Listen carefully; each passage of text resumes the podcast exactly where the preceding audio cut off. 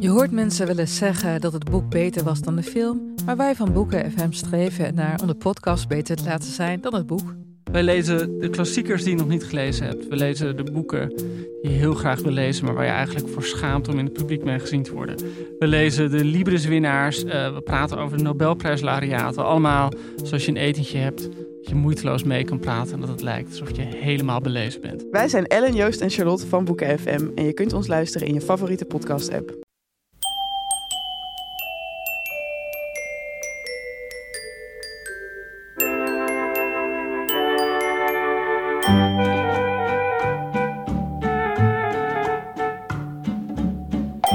Welkom bij aflevering 251 van Echt Gebeurd, de podcast waarin waargebeurde verhalen worden verteld door de mensen die ze zelf hebben meegemaakt.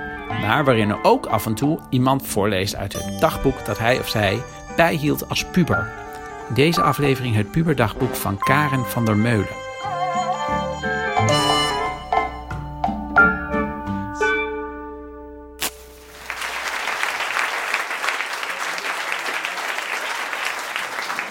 Ik kom uit Vlaanderen, dat zal je wel horen. Ik hoop dat je alles verstaat.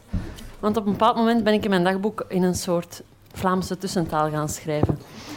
Dus uh, dat zal je wel horen op termijn. Uh, het begint in 2001, toen was ik 12 jaar, uh, eh, 6 maart 2001.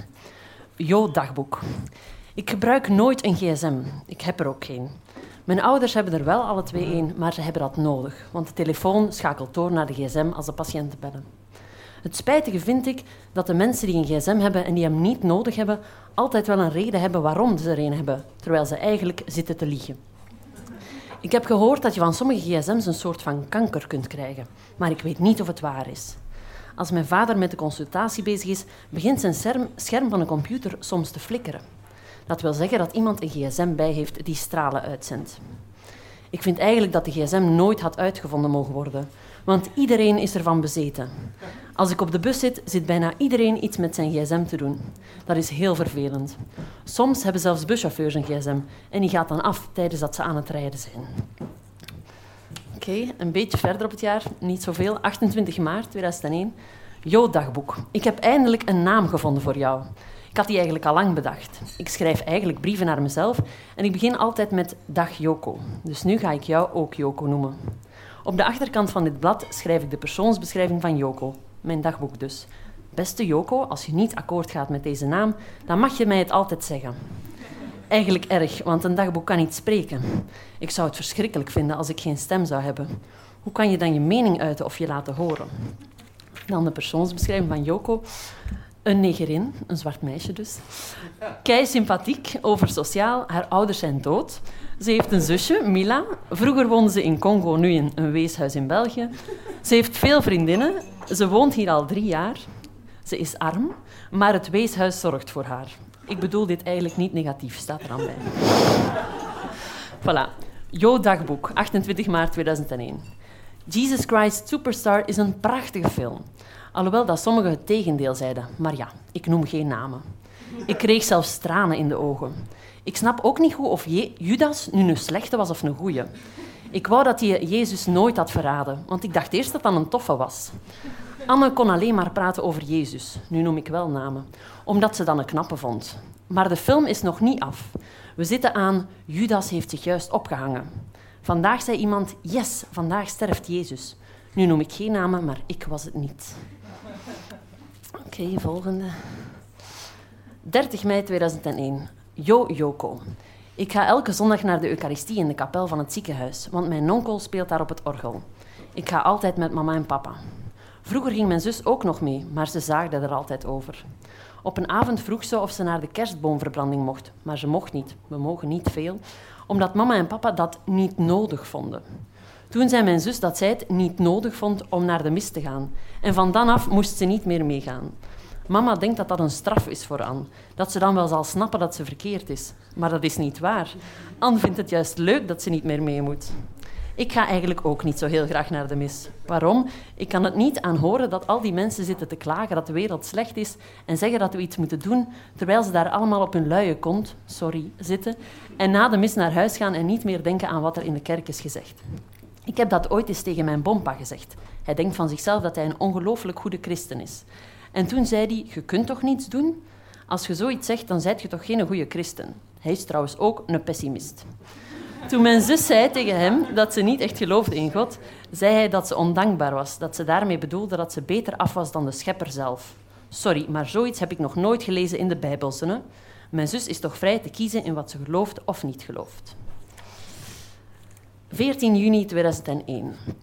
Yo Joko, een dagboek moet kort en krachtig zijn, heb ik ergens gelezen. Maar hoe kan je nu kort en krachtig zijn als je altijd veel te vertellen hebt? We hadden vandaag examen van Latijn. Het ging, maar de ongeziene tekst stond weer vol met woordjes die we nog niet hadden geleerd.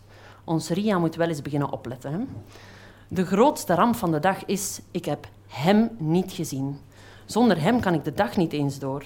En Hanna wil zijn adres niet geven. Lise zegt dat dat schending van de privacy is. Schending van mijn gevoelens, ja. En aan hemzelf gaan vragen durf ik niet. Hè? Gelukkig maakt de foto veel goed. Soms betrap ik mezelf erop dat ik, ik weet niet hoe lang naar de foto zit te zien. Maar ja, hoe kan het ook anders als u met uw neus op de feiten drukken? 6 of 5 juli is de verjaardag van Doreen. We moeten daarvoor nog een foto trekken van FVH. En het moet natuurlijk wel een duidelijke zijn. Benieuwd of dat ons zal lukken. Dan heb ik er later bij geschreven, niet gelukt. Zie je nu dat het nooit lukt om kort en krachtig te zijn? Voilà, dat was uh, het eerste dagboek, het oudste. Uh, dan uh, naar een, een een sprong in de tijd. hier ben ik 15 jaar, zaterdag 3 mei 2003. Jo, dagboek. Ik heb besloten dat ik u geen naam ga geven, maar wel dagboek. Allee ja, ik weet niet, zwat. Vandaag zo super laat opgestaan, omdat ik nog vrij laat heb wakker gelegen. Ik heb zo een paar dagen geleden terug een keer naar Le Fabuleux Destin d'Amélie Poulain gekeken en dan filmde die man. En nu ben ik ook terug beginnen filmen, maar het lukt niet goed. Weet je, ik lees zo nu en wat ik besef is dat als ik vandaag zou doodgaan, ik mijn laatste dag totaal niet intens geleefd zou hebben en alleen maar saai gelezen. Je zou om echt heel intens te leven eigenlijk een ganse dag vol energie moeten zitten, wat ik wel heb als het school is, dan even lezen, maar heel intens. Ik weet niet wat dat dan voorstelt, maar wat. Dan bijvoorbeeld koken of zo, opruimen, filmen, hygiëne, persoonlijk, muziek luisteren, computeren, naar buiten gaan, sporten, naar familie gaan. Eigenlijk veel te veel om allemaal op één dag te doen. Ik hoop dus dat ik vandaag niet sterf, want anders heb ik maar een flauwe laatste dag van mijn leven gehad. En dan PS, ik wil zo dringend een lief. Oké. Okay. Uh, 3 mei, ik, denk, ik weet niet wat dat dezelfde dag is. Ik heb een naam gevonden. omdat hier zo op elk blad een zalig schaapje staat en omdat we in de dictie uh, een gedichtje hebben uh, gedaan over een schaap dat Wollewitje noemt, ga ik jou, allerliefste dagboek, Wollewitje noemen. Als dat niet zalig is. Dus vanaf nu, dag Wollewitje. Maandag 5 mei 2003. Hallo, mijn allerliefste Wollewitje. Vandaag heb ik heel veel te vertellen. Ten eerste heeft Nicolas het aangevraagd aan Evelien. Antwoord nee. Hij was daarom een beetje ontgoocheld in haar. Tja, die gaat gewoon de rij af, jong. Echt niet te doen. Tom is op Stefanie. En morgen gaan Laura en ik hun koppelen. Hihi. Ik had aan Tom het e-mailadres van Toon gevraagd. Antwoord, hij heeft geen. Jammer. En Tom had dat gezegd, ah ja. En dan had Roel dat gaan zeggen tegen Katrien en Steffi dat ik achter Toon loop. Ik bedoel, om een duur weet heel school het. Stefanie had gezegd dat ik ervoor moet gaan, dat ik ervoor moet uitkomen dat ik misschien toch achter hem loop. Ja, zeg. Ik vond het wel cool zo allemaal. Morgen naar Brugge. Benieuwd wat dat wordt met Stefanie en Tom en ik en Toon. Oeh, spanning. Swat. Ik ga mijn geschiedenis nooit kunnen woensdag. Ik heb van het weekend het fouten geleerd. Al goed dat ik het nu weet. Allee, bon, ik zend ermee weg. Salutekes. Ja. Uh, dan, uh, zaterdag 10 mei 2003. Oh, Wollewitje. Sorry dat ik zo lang niet heb geschreven. Er was nogthans veel te vertellen. Oké, van dinsdagavond had Stefanie het dus aan met Tom, via e-mail en MSN, en uit met Christophe. Het is ook een tijdje ruzie geweest in de klas door Evelien versus Nicolas. Ik heb Nicolas zijn liefdesbrief aan Evelien mogen lezen en ondertussen zo wat heel de klas. Toon weet dat ik achter hem loop en hij weet wie ik ben. Help. En dat was dus allemaal. Ik voel me af en toe wel ambetant als Stefanie zegt binnendraaien en ik weet niet wat dat is. Maar Toon ook niet, denk ik. Lekken is tongzoenen, denk ik. Waarschijnlijk wel. Ik hoop dat niemand dit leest. en dan een hele sprong in de tijd. Uh, dat is helemaal op het einde van het boekje. 1 juni 2005, dus dat is uh, twee jaar later. Goedendag, Wollebitje. Ik ben reeds 17. We zitten in het jaar 2005, in het vijfde middelbaar. En ik ben helemaal niet verliefd. Dat is ook eens een verandering, zeg. Ik weet niet of ik momenteel nog een dagboek wil bijhouden. Ik vind het wel leuk om al het voorbije te overlezen. Soms is het uiterst beschamend. Maar het herinnert me wel aan een fijne zomerse tijd met de verliefdheid voor Toon en uiteindelijk onze relatie, die in het begin echt nog wel fijn was. Of nu ik eraan denk, ik ben misschien toch nog wel een beetje verliefd op Stijn, de jongen van het Hongarijnkamp, die trouwens ook komen kijken is naar ons toneel. En bij gevolg, om te zien of ik echt nog op hem verliefd ben en ook omdat hij me nog 5 euro moet, spreek ik vermoedelijk, hopelijk met hem af na de examens. Deze grote vakantie wordt reuze druk. Goed, hierbij laat ik het dan maar even. We zien wel of er nog een vervolg komt.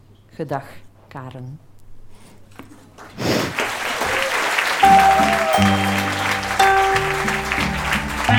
Dat was het puberdagboek van Karen van der Meulen.